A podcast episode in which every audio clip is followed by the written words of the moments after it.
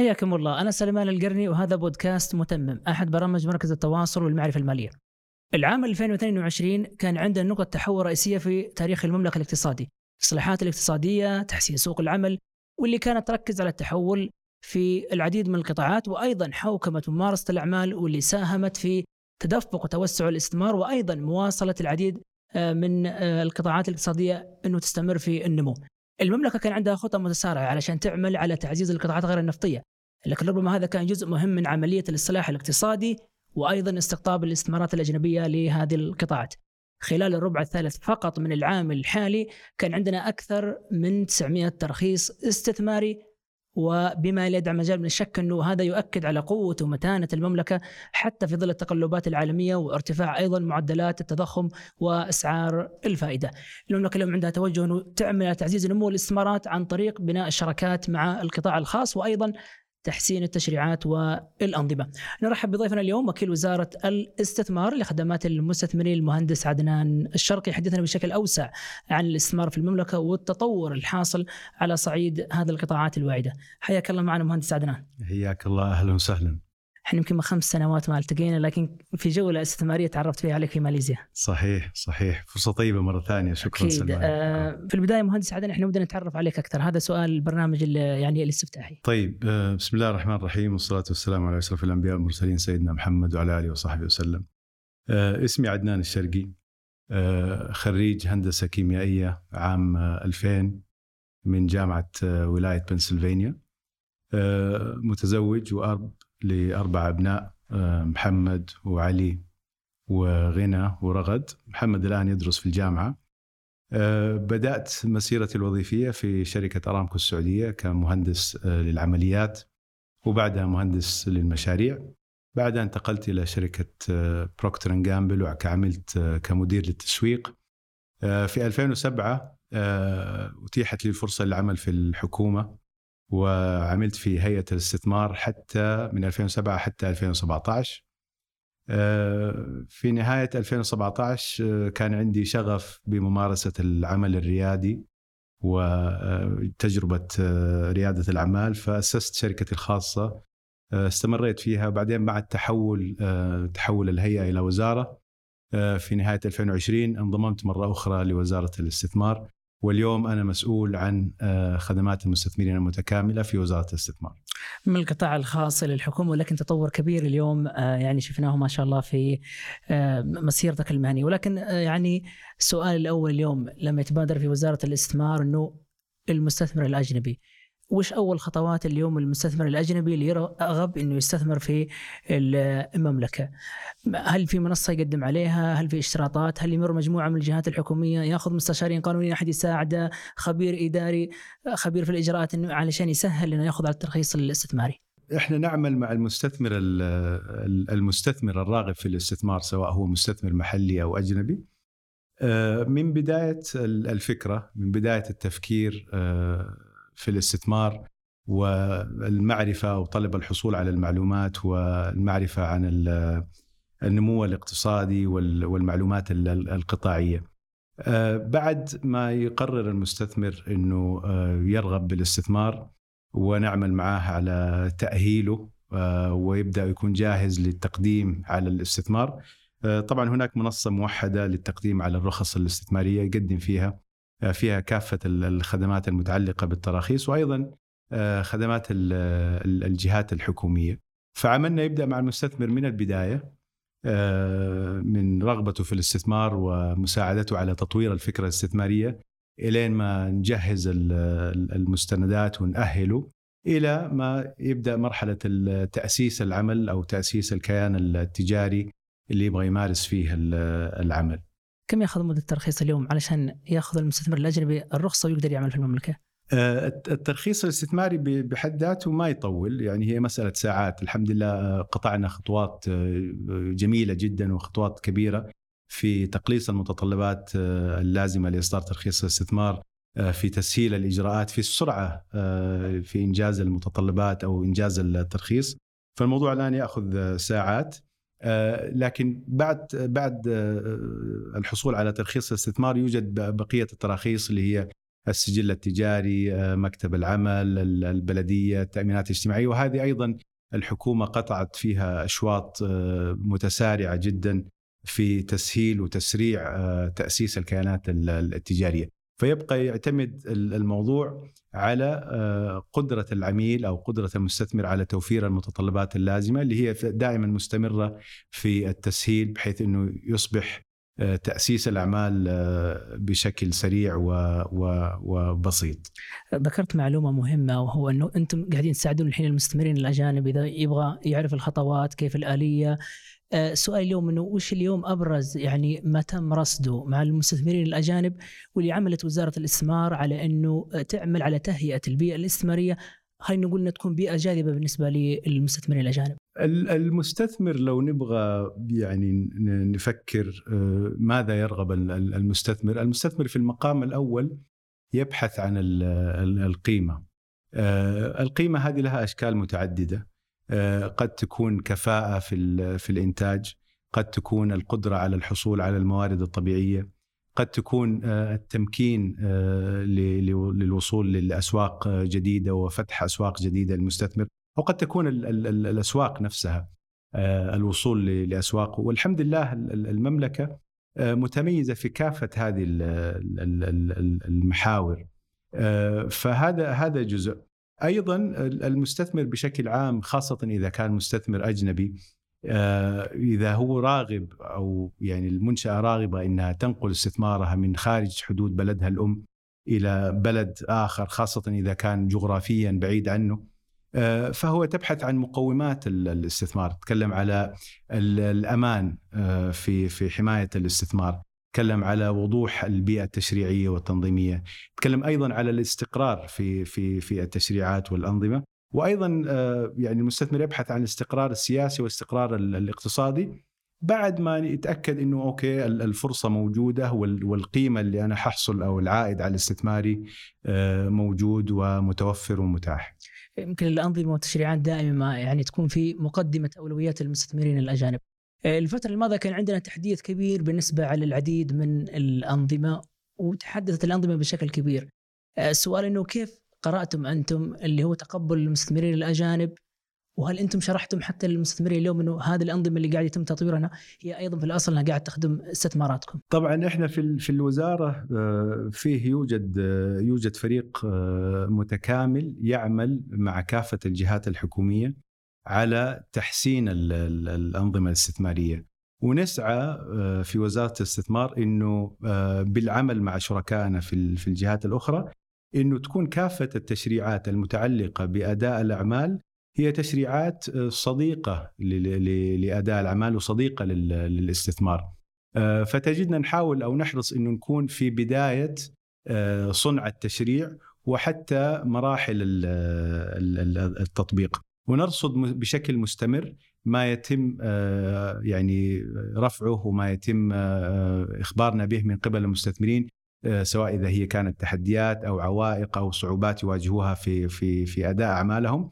ونقوم بدورنا بإيصال هذه التحديات أو الإشكالات أو المتطلبات الخاصة بالمستثمر الأجنبي لشركائنا في في الجهات الحكومية وفي ولوسط الحكومة. أيضا آه، يعني بالعمل مع شركائنا في في المركز الوطني للتنافسية صدر قرار مؤخرا إنه أي تشريع ينظر أو أي أي نظام آه، يصدر لابد إنه يعطى فترة آه، مناسبة لاستطلاع آراء العموم ويطرح في منصة استطلاع بحيث إنه كافة الجهات اللي هي متعلقة ومتاثره بهذا النظام تعطي مرئياتها بحيث إنه يطور النظام بشكل آه، يخدم المستثمرين ويخدم بيئة اداء الأعمال.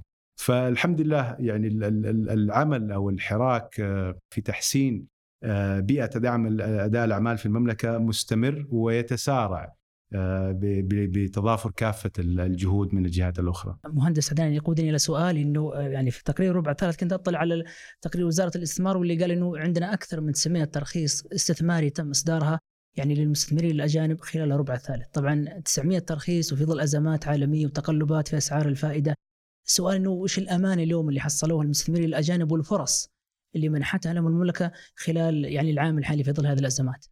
اولا يعني الحمد لله المملكة سوق واعدة آه، كافة المستثمرين اللي كانوا موجودين أو حصلوا على تراخيص استثمارية على المدى الطويل اللي هم بقوا في السوق آه، على المدى الطويل حققوا عوائد مجزية وعوائد مرتفعة مقارنة بغيرهم اللي تعاملوا مع السوق كمرحلة مؤقتة أو كتعامل تجاري بحت. فإحنا نشجع في في وزارة الاستثمار نشجع الاستدامة ونشجع الديمومة في في في في في الارتباط الاقتصادي في المملكة هذا هذا أمر الأمر الآخر آه إنه اليوم الإقبال على الاستثمار في المملكة يعني الحمد لله نجد يعني أصداء إيجابية يعني آه، متنامية ومتصاعدة آه، خاصة في ظل الظروف الاقتصادية اللي هي تمر بها كافة الاقتصادات العالم. اليوم المملكة اقتصاد المملكة يعد من العناصر المضيئة آه، في الاقتصادات العالمية وبالتالي الإقبال على الاستثمار في المملكة وفي ظل الرؤية الطموحة اللي وضعها سيدي خادم الحرمين الشريفين وولي عهد الأمين آه، صار فيه يعني رغبة وإقبال كبير جدا على على الاستثمار في المملكة ونشوفها بشكل نعم. متسارع في الأرقام المختلفة سواء أرقام التراخيص أو سواء أرقام الاستثمار وغيره من المؤشرات. جميل آه، مهندس عدنان على مستوى اليوم القطاعات يعني الفترة الماضية كان إحنا إنه يتم استهداف يعني قطاعات معينة أو خلينا نقول المستثمرين الاجانب تركزوا في قطاعات ربما يعني قيادية. إحنا عندنا توجه في المملكة الفترة الماضية في الرؤية إنه يتم يعني توسع أو تنمية القطاعات غير النفطية. آه، كيف أنتم لمستم يعني تقبل المستثمرين إنه يتم لقطاعات مختلفة بعيدا عن القطاعات الرئيسية؟ اليوم المستثمر آه، الاستثمار في المملكة آه، مقبلين عليها المستثمرين في كل كل القطاعات المختلفة سواء القطاعات التقليدية أو القطاعات الغير تقليدية. يوجد لدينا في وزارة الاستثمار فريق مختص بتطوير الاستثمار عندهم عندهم مختصين في 15 آه، قطاع منها القطاعات التقليدية ومنها القطاعات الجديدة والناشئة. اليوم آه، في ظل الرؤية 2030 آه، فتحت قطاعات استثمارية واعدة ما كانت متاحة في السابق والإقبال عليها كبير أيضا التركيبة السكانية عندنا في المملكة إنه يعني أكثر تقريبا 50% من التعداد السكاني تحت أو تحت سن ال 36 آه، يجعل الاقتصاد شاب ويجعل القدرة الاستهلاكية كبيرة وبالتالي يكون محفز للمستثمرين اللي هم راغبين في الاستثمار في القطاعات الغير تقليدية. آه، بشكل عام آه، القطاعات اللي تخلق حراك اقتصادي اللي تخلق روابط وتعقيدات اقتصادية هي القطاعات اللي إحنا الواعدة اللي نسعى لاستقطابها أيضا القطاعات الخدمية اللي تحقق آه، أو أو تخلق وظائف هي أيضا من القطاعات المستهدفة لدينا. المملكة الفترة الماضية أطلقت يعني الاستراتيجية الوطنية للاستثمار وكان من ضمنها واحدة من المبادرات اللي هي آه، يعني سلاسل الإمداد العالمية. يمكن الفترة الماضية بدت حاجة العالم بشكل أكبر خلال أزمة فيروس كورونا والعالم كله بدأ ينتبه أنه وش اللي صاير اليوم عندنا في أزمة سلاسل الإمداد. آه، توجه المملكة اليوم في منطقة يعني الشرق الأوسط تكون دولة رائدة في هذا الجانب، هذا إيش عملت فيه وزارة الاستثمار الفترة الماضية إنه تسهل وجود مستثمرين أجانب وأيضا توعي المستثمرين إنه إحنا عندنا قطاعات واعدة قوية لها مستقبل عالمي. العالم تغير بعد كورونا، بعد أزمة كورونا. آه لم يعد كما كان آه وظهرت آه يعني متغيرات آه اقتصادية وجيوسياسية آه كبيرة على الساحة وبالتالي هذه المتغيرات تخلق فرص استثمارية كبيرة آه، أيضا آه، الحكومة الرشيدة خلال أزمة كورونا تعاملت مع الأزمة بشكل متميز آه، وضربت أعلى يعني مثال متميز جدا في إدارة الحكومات للأزمات ومن ضمنها أزمة كورونا. بالتالي خلق أو أو جعل الاقتصاد عندنا اقتصاد أكثر مرونة وأكثر استقطاب للاستثمارات. وكنتيجة لهذه الأزمة آه، ظهرت اللي هي الإشكالات أو التحديات في سلاسل الإمداد واطلقت استراتيجية أو أو مبادرة جسر اللي هي أحد مبادرات الاستراتيجية الوطنية للاستثمار اللي هي تسعى لاستقطاب وتوطين آه، سلاسل الامداد المختلفة والمعقدة حول العالم في في كذا قطاع. منها البتروكيماويات منها الأجهزة المعدات الطبية منها الصناعات الدوائية. اليوم الشركات الكبيرة حول العالم تسعى للمحافظة على استمرارية واستدامه واعتمادية السلاسل الإمداد بحيث إنها تستطيع إنها تقدم المنتج النهائي للسوق آه، في بشكل آه، آمن وبشكل آه، سريع. فأطلقت هذه المبادرة وهي تركز عندنا على الموضوع الاستدامة المالية والاستدامة المناخية وتنويع مصادر سلاسل الإمداد. ذكرت نقطة مهمة وهي استدامه الاستثمارات اليوم. كيف إحنا نحافظ اليوم على الشركات إنه تكون مستمرة في الأسواق؟ يعني ما نبغى شركة تدخل ثلاث سنوات أربع وتتخارج من السوق بعدها شركتين يمكن في نفس القطاعات وفي قطاعات مختلفة. السؤال يعني هل يتم دراسة ملفات هذه الشركات أنه تكون شركات لها قيمة للاقتصاد ونضمن لها استدامة في الأسواق؟ أنه تأخذ يعني فترة زمنية خلينا نقول يعني دورة اقتصادية مفيدة للاقتصاد. سؤال آه، جميل الصراحة أيضا. آه، اليوم إحنا في وزارة الاستثمار يحتاج أو يحتم علينا طبيعة آه، عملنا ودورنا إننا نوازن بين إنك تستطيع إنك تستقطب المستثمر الجاد واللي هو عنده فرص الاستدامة وفرص آه، النجاح وأيضا آه، التسهيل على المستثمرين للدخول في في في الأسواق. آه، فنحاول نلعب خط أو نحاول نلعب دور متوازن في التحقق أو التأكد من إنه هذا المستثمر اللي جاي عنده القدرة على ممارسة الاستثمار، عنده القدرة المالية على الاستمرارية في العمل وبالتالي آه، تضمن استمراريته في في الاقتصاد وادائه وعطائه في الاقتصاد في نفس الوقت يعني ما نبغى نعقد المستثمر أو نصعب إجراءات الاستثمار فالقانون عندنا أو المبدأ اللي ننتهجه في هذا الموضوع إنه آه، نتأكد إنه هذا المستثمر عنده سابقة أعمال في نفس المجال اللي يبغى يمارس فيه العمل في المملكة. فهذه تعطينا مؤشر ممتاز آه، على قدرة المستثمر وإذا عنده track record وسابقة آه، تاريخ في أداء الاستثمار اللي يبغى يستثمر فيه في المملكة العربية السعودية. جميل، بالنسبة مهندس عدنان على مستوى اليوم آه، الشراكة مع القطاع الخاص، لو جت شركة أجنبية وعنده مثلا شريك أجنبي أو شريك محلي في المملكة، هل هناك استثناءات أو يتم عرض شراكات بالنسبة على المستثمرين لربما أيضا حتى إن كانت هذه القطاعات أو هذه الشركات في نفس المجال؟ طبعا الاستثمار في المملكة اليوم آه، في مختلف الأنشطة آه، باستثناء أنشطة محدودة جدا متاح للاستثمار الأجنبي 100% بنسبة ملكية آه، كاملة 100% لكن بالرغم من ذلك نجد إنه كثير من الاستثمارات الأجنبية تسعى إنها يكون لديها شريك شريك محلي. ولما ننظر للأرقام اليوم أرقام التراخيص وأحجام رؤوس الأموال تجد إنه تقريبا 50% أو 60% من رؤوس الأموال هي رؤوس أموال محلية بالشراكة مع استثمارات آه، استثمارات أجنبية.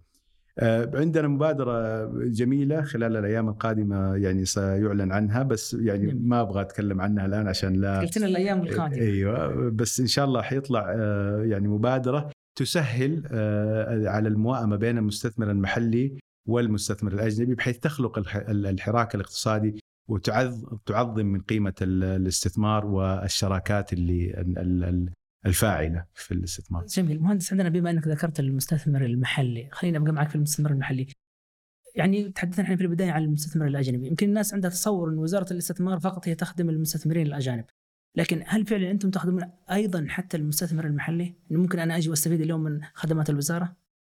صحيح وهذا يمكن أحد أهم آه، سمات التحول من هيئة إلى وزارة إنه أصبح ال mandate أو الدور أو التكليف اللي تقوم فيه وزارة الاستثمار يغطي آه، المستثمر بكافة آه، فئاته آه، سواء هو مستثمر محلي أو أجنبي وأيضا يغطي المستثمر بكافة أحجامه سواء هو ضخم multinational متوسط صغير ريادي أيضا هذا تغيير جدا إيجابي بالتالي خلق لنا أو أو أعطانا شفافية أو رؤية آه، شاملة لوضع الاستثمار في المملكة إنه أصبح لدينا تواصل مع كافة آه، فئات المستثمرين. آه، كان عندكم الفترة الماضية برنامج يعني تم الإعلان عنه برنامج يعني جذب المقرات الأجنبية. اليوم بالنسبة لشركة أجنبية تبغى تنقل تنقل هذا المقر إلى المملكة. إيش ممكن الخدمات اليوم اللي يحصل عليها؟ هل في استثناءات في التوظيف مثلا خلينا نقول خدمات الاستقدام هل في استثناءات معينة ممكن تحصل عليها من جهات معينة؟ درستم أنتم هذه الاستثناءات مع الجهات الحكومية الأخرى. طيب أنا حرجع لك آه، بسؤال أو اللي هو قبل قبل آه، المزايا حقت البرنامج المقرات. السؤال لماذا برنامج المقرات الإقليمية؟ آه، اليوم زي ما زي ما قلت لك قبل قليل إنه الشركات الكبرى جميعها يعني أو أو نسبة كبيرة منها تعمل في في المملكة والسوق الأكبر لها في المنطقة هو سوق المملكة العربية السعودية.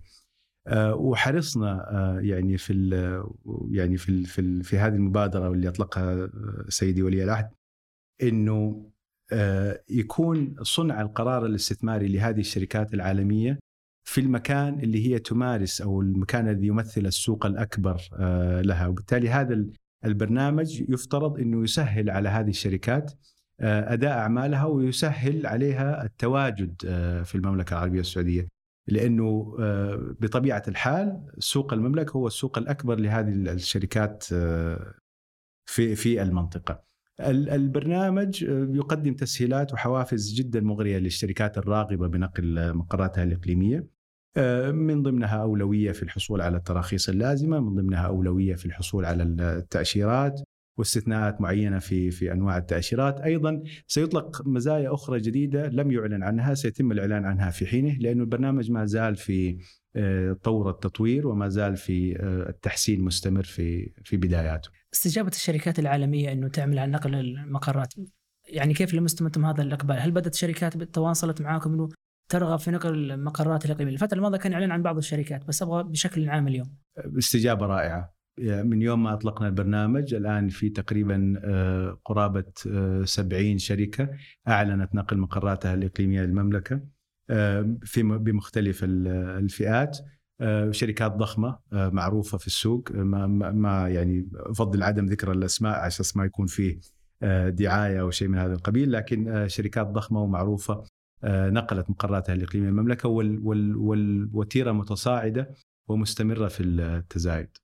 جميل المعلومة اليوم في وزارة الاستثمار لا أنا نفترض مستثمر أجنبي أو محلي يبغى يعرف معلومة عن هذا القطاع الفترة الماضية كان عندنا تركيز على إنه عندنا قطاعات وأعد ولها مستقبل كبير ولكن خلينا نقول وفرت المعلومات ان تكون معلومات آه، يعني صحيحة وسليمة وتعطي أرقام صحيحة بالنسبة للوضع لهذه القطاعات. كيف عملتم أنتم اليوم مع المستثمرين الأجانب؟ يمكن المعلومة كان الفترة الماضية غائبة أو خلينا نقول تفتقد إلى الكثير من المعايير اللي ممكن تساعد المستثمر أو تحفزه أكبر إنه يتخذ قرار ويستثمر. زي ما قلت لك برضو آه، يعني نحن نعمل مع المستثمر من بداية آه، التفكير أو من مرحلة الايديشن أو أو رغبته في في يعني أو استكشاف الاستثمار في في المملكة ونوفر له كافة المعلومات الإحصائية والقطاعية اللي تساعده في اتخاذ القرار. عندنا في وزارة الاستثمار وكالة خاصة اسمها وكالة الدراسات والشؤون الاقتصادية آه، تعمل باستمرار على آه، مسح السوق ومسح القطاعات المختلفة وتعزيز المعلومات والعمق المعرفي بمؤشرات هذه القطاعات ليتم تزويدها للمستثمرين وأصحاب الاختصاص الراغبين في الاستزادة من هذه المعلومات. لو أنا مستثمر اجنبي وجيت اليوم بسال عن منطقة نفترض في شمال ولا شرق المملكه عن قطاع معين في هذه المنطقة، ممكن أحصل أي معلومة أحتاجها. يفترض نعم وجربنا. جميل. آه، مهندس عدنان على مستوى اليوم تقدم المملكة على في المراكز العالمية، الأرقام الفترة الماضية كانت أرقام يعني إيجابية وقوية على مستوى يعني سهولة ممارسة الأعمال. اليوم هل هذه المؤشرات لها يعني قيمة معينة عند المستثمرين الأجانب إنه لما يبغى يتخذ قرار استثماري إنه يحرص على إنه هذه المؤشرات تكون واضحة وصحيحة وسليمة؟ آه، ما شاء الله اليوم سلمان أسئلتك كلها جميلة. الله طيب آه، اليوم آه، موضوع المؤشرات الدولية مؤشرات آه، أداء الأعمال هي مهمة وإن كانت في كثير من الأحيان لا تعكس الواقع لكنها مهمة وخاصة عند الشركات العالمية والشركات الكبرى اللي هي عندها إدارات خاصة في في تحليل الأسواق المختلفة، عندها إدارات خاصة بالاستطلاع الاقتصادي والسياسي. فهذه المؤشرات المؤشرات الدولية اللي هي يعني من أطراف ثالثة مهمة جدا في صنع القرار الاستثماري. لكن في المقابل أيضا لا يعني إنه كافة المستثمرين اللي بيجوا يستثمروا في المملكة آه، حيرجع للتقارير هذه على أساس يقرر آه، إنه مدى آه، هل سيستثمر أو لا لن لن يستثمر في المملكة. لأنه في كثير من الأحيان المستثمر لما يجي يقرر إنه خلاص يبغى يبدأ يأسس شركته في المملكة هو يكون اوريدي أو يعني يعني عارف السوق مسبقا وعارف الفرصة اللي موجودة فيه بالتالي تصبح هذه مؤشرات يعني ما هي ذات مدلول كبير بالنسبة للمستثمر لكنها هي مؤشرات مهمة وتساعدنا على تحسين التجربة الاستثمارية بشكل بشكل عام. آه، نقطة مهمة مهندس عدنان على مستوى اليوم آه، دور الاستثمار الأجنبي في خلق فرص يعني وظيفية وتأهيل أو تأهيل بالنسبة آه، خلينا نقول معاهد التدريب اللي ممكن تساهم بشكل أو بآخر في يعني أن يكون هناك شباب وشابات سعوديين مستفيدين من هذا التدريب أو هذه الفرص الوظيفية، كيف لمستم أنتم اليوم مع المستثمرين الأجانب إنه في فرصة أكبر بالنسبة في استقطاب كفاءات سعودية؟ يعني أحد الأشياء اللي دائما نسمعها باستمرار وتتكرر على لسان كل الوفود الاستثمارية والمسؤولين الأجانب اللي بيزورونا بيزورونا في وزارة الاستثمار إنه إعجابهم بالكفاءات الشابة السعودية والقيادات آه، إعجابهم بالحراك الحاصل وبالديناميكية اللي حاصلة في الحكومة وبالكفاءات السعودية العاملة سواء كانت في القطاع الخاص أو في القطاع العام. في السابق كان هناك آه، بعض الأحيان تذمر إنه ليش يعني يفرض علي نسب سعودة وإلى آخره، لكن اليوم ما أصبحت هذه هاجس، بالعكس اليوم الكفاءات السعودية هي كفاءات منافسة عالميا. وش كثير شفنا من آه، من شبابنا شغالين في في شركات يعني دولية آه، من الشركات يعني الشركات المستثمرة في المملكة تحصل إنه موظفينهم آه، في مقراتهم الأساسية في بلدانهم هم هم موظفين أو شباب سعوديين. فموضوع الكفاءة الكفاءة السعودية جدا يعني ما هو ما هو عائق بالعكس يصبح إنما أصبح عامل جذب وعامل آه، مستقطب للاستثمارات عندنا. آه، مهندس إحنا عندنا الاستراتيجية الوطنية للاستثمار كان فيها هدف انه يتم رفع قيمة الاستثمارات التراكمية لأكثر من 12 آه، تريليون وكان في هدف إنه خلال العام 2030 دور الوزارة في هذه الاستراتيجية إيش عملت من خطط تعمل على رفع هذه الاستثمارات؟ الاستراتيجية الوطنية للاستثمار هدفها على المدى الطويل هو خلق اقتصاد استثماري مستدام وديناميكي الاستراتيجية الوطنية للاستثمار فيها أربع محاور أو أربع ركائز أساسية. أولا المحور الأول اللي هو محور الفرص الاستثمارية. وتطوير الفرص الاستثمارية وتطوير المعرفة عن الفرص الاستثمارية وتطوير هذه الفرص بحيث إنها تكون جاهزة للمستثمر الراغب في الاستثمار في أي قطاع في فرصة محددة آه، إنه يستثمر لأنه المعلومة موجودة وجاهزة للاستثمار. آه، يوجد لجنة آه، خاصة اسمها لجنة حصر الفرص الاستثمارية نعمل فيها مع كافة الجهات الحكومية على تطوير الفرص الاستثمارية وحصر المعلومات الخاصة فيها وعمل آه، أو تطوير الأعمال أو ال business development مع المستثمرين لتطوير هذه الفرص بحيث إنه المستثمر اللي يبغى يستثمر في المملكة آه، بيسأل إيش الفرص المتاحة يوجد فرص متاحة ونسبة النضج الخاص بها المعرفي والفرصة والتشريعات اللي هي لها علاقة بهذه الفرصة جاهزة وواضحة للمستثمر. هذا الركيزة الأولى، الركيزة الثانية اللي هو زيادة آه، وتنويع مصادر التمويل بحيث إنه المستثمر إذا يبغى يجي ويبغى يستثمر في الفرص الاستثمارية يكون متاحه له قنوات تمويل مختلفة من مؤسسات التمويل المحلية أو المنشآت مثلا منشآت التمويل الصناعي. أو مؤسسات التمويل الدولية اللي هي تسعى أو تبحث عن الربح والعائد على الاستثمار لتسريع هذا الحراك لتسريع تحقيق الفرص الاستثمارية. آه، المحور الثالث أو الركيزة الثالثة اللي هي العمل مع المستثمرين بكافة فئاتهم سواء هو مستثمر ضخم كبير متعدد الجنسيات محلي أجنبي آه، نعمل معهم بكافة الفئات والأطياف والشرائح لأنه الاحتياجات حقتهم مختلفة، احتياجات المستثمر آه، تختلف آه، من مكان لآخر من جغرافية لأخرى. من حجم لآخر بالتالي نتحسس ونتلمس الاحتياجات المختلفة للمستثمر ونقدم التسهيلات اللازمة لكل أو لطبيعة كل نوع مستثمر. المحور الرابع وهو المحور الجميل اللي هو يعمل على المدى الطويل اللي هو محور البيئة آه، التشريعية والأنظمة المتعلقة بأداء الأعمال في المملكة ونعمل مع كافة الجهات لتعريف الأنظمة والقوانين اللي هي تؤثر على أداء الأعمال بشكل آه، مباشر أو غير مباشر ونسعى لتحسين هذه الأنظمة والقوانين لتكون صديقة وجاذبة للاستثمار وممكنة للاستثمار على المدى الطويل. ركيزه التمويل اللي يمكن هي أهم نقطة اليوم بالنسبة للمستثمرين كيف بالنسبة على مستوى التمويل اليوم في المملكة؟ المستثمرين الأجانب إقبال البنوك أنه يتم من المؤسسات المالية أنه يتم تمويل هذه الاستثمارات النظام المصرفي في المملكة نظام عريق ومستقر وقوي آه، طيلة السنوات الماضية وأثبت آه، جدارته وديناميكيته آه، المستثمرين الدوليين في في مجالات التمويل يهمهم الاستثمار في المملكة لأنه آه، المصرفي قوي وأيضا السيولة المالية في المملكة العربية السعودية قوية وبالتالي آه، يعني يوجد بيئة تشريعية واضحة لاستقطاب مؤسسات التمويل الدولية في هذا الشأن.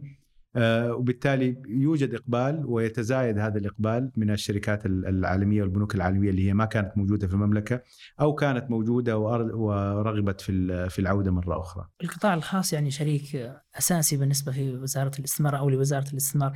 على مستوى اليوم المستثمر المحلي القادم من القطاع الخاص، إيش عملت الوزارة اليوم إنه تعمل معه ويتم تهيئته وأيضا حتى إنه يعمل مع المستثمرين الأجانب، يمكن بعض الشركات متوسطة في الأداء ما عندها حوكمة وعندها بعض الإشكاليات اللي ممكن يعني تنقص هذه الشركات لكن عندها رغبة إنه تدخل مع مستثمرين أجانب. اليوم آه، يعني كأحد سمات التحول لوزارة إنه نعمل مع المستثمر آه، أو القطاع الخاص بالذات القطاع الخاص المحلي. آه، في السابق كانت الهيئة أو يعني قبل قبل ما تتحول لوزارة كانت مركزة على المستثمر الأجنبي ومركزة على موضوع الترويج للاستثمار. اليوم بعد التحول الوزارة آه، أصبح المستثمر المحلي يمكن ربما أهم من المستثمر الأجنبي. العمل مع المستثمر المحلي سواء في مرحلة ابتدائية عند تأسيس الأعمال أو إذا كان هو مستثمر متقدم آه، ومتطور ف يعني في دعمه في آه، إيجاد شراكات ودعمه في تطوير الفرص الاستثمارية ودعمه للتوسع خارج للاستثمار خارج المملكة. هذا تحول أو تغير جذري ما كان موجود في السابق ونسعى لتعزيزه ونسعى لتطوير آه، تطوير هذا العمل. أيضا في الأيام القادمة سيطلق نظام الاستثمار اللي هو حيكون نظام شامل للاستثمار بكافة أطياف وفئات المستثمرين وسيمكن الوزارة من آه، آه، لعب دور محوري وأساسي في العمل مع المستثمر المحلي. مؤسسة صغيرة واحد عنده اهتمام بريادة الأعمال، شركات مختلفة ممكن تستفيد من هذا النظام؟ صحيح يمكن يستفيد من النظام، النظام طبعا بطبيعته يسعى يعني للاستدامة الاستثمارية، يسعى إلى حماية حقوق المستثمر، يسعى إلى تقديم الضمانات للمستثمر و يعني وجود البيئة التشريعية المناسبة يسعى لتقديم آه، حوافز للمستثمر على حسب نوع المستثمر. يسعى لتقديم الخدمات وربط المستثمرين بكافة أنواعهم في منظومة وسلسلة الاستثمار. إن شاء الله يعني بحول الله سيكون النظام هذا جدا داعم وممكن للمستثمرين آه، خاصة المستثمرين المحليين. بإذن الله. آه، وكيل وزارة الاستثمار لخدمات المستثمرين المهندس عدنان شرقي يعطيك الف عافيه أهلا وسهلا وشكرا على الاستضافة وشكرا على إتاحة الفرصة لنشارككم جزء من المعلومات اللي موجودة والحراك الكبير اللي نقوم به في وزارة الاستثمار. يعطيكم العافية. شكرا. مشاهدينا الكرام وصلنا كل ختام هذه الحلقة واللي تحدثنا فيها عن وزارة الاستثمار والجهود الكبيرة اللي تمت الفترة الماضية على مستوى القطاعات بدءا من التراخيص وصول المستثمر الأجنبي القطاعات التمويل والمستثمر المحلي زي ما قال المهندس عدنان هو الركيزه الاساسيه اللي راح يتم التركيز عليها خلال الفترة القادمة.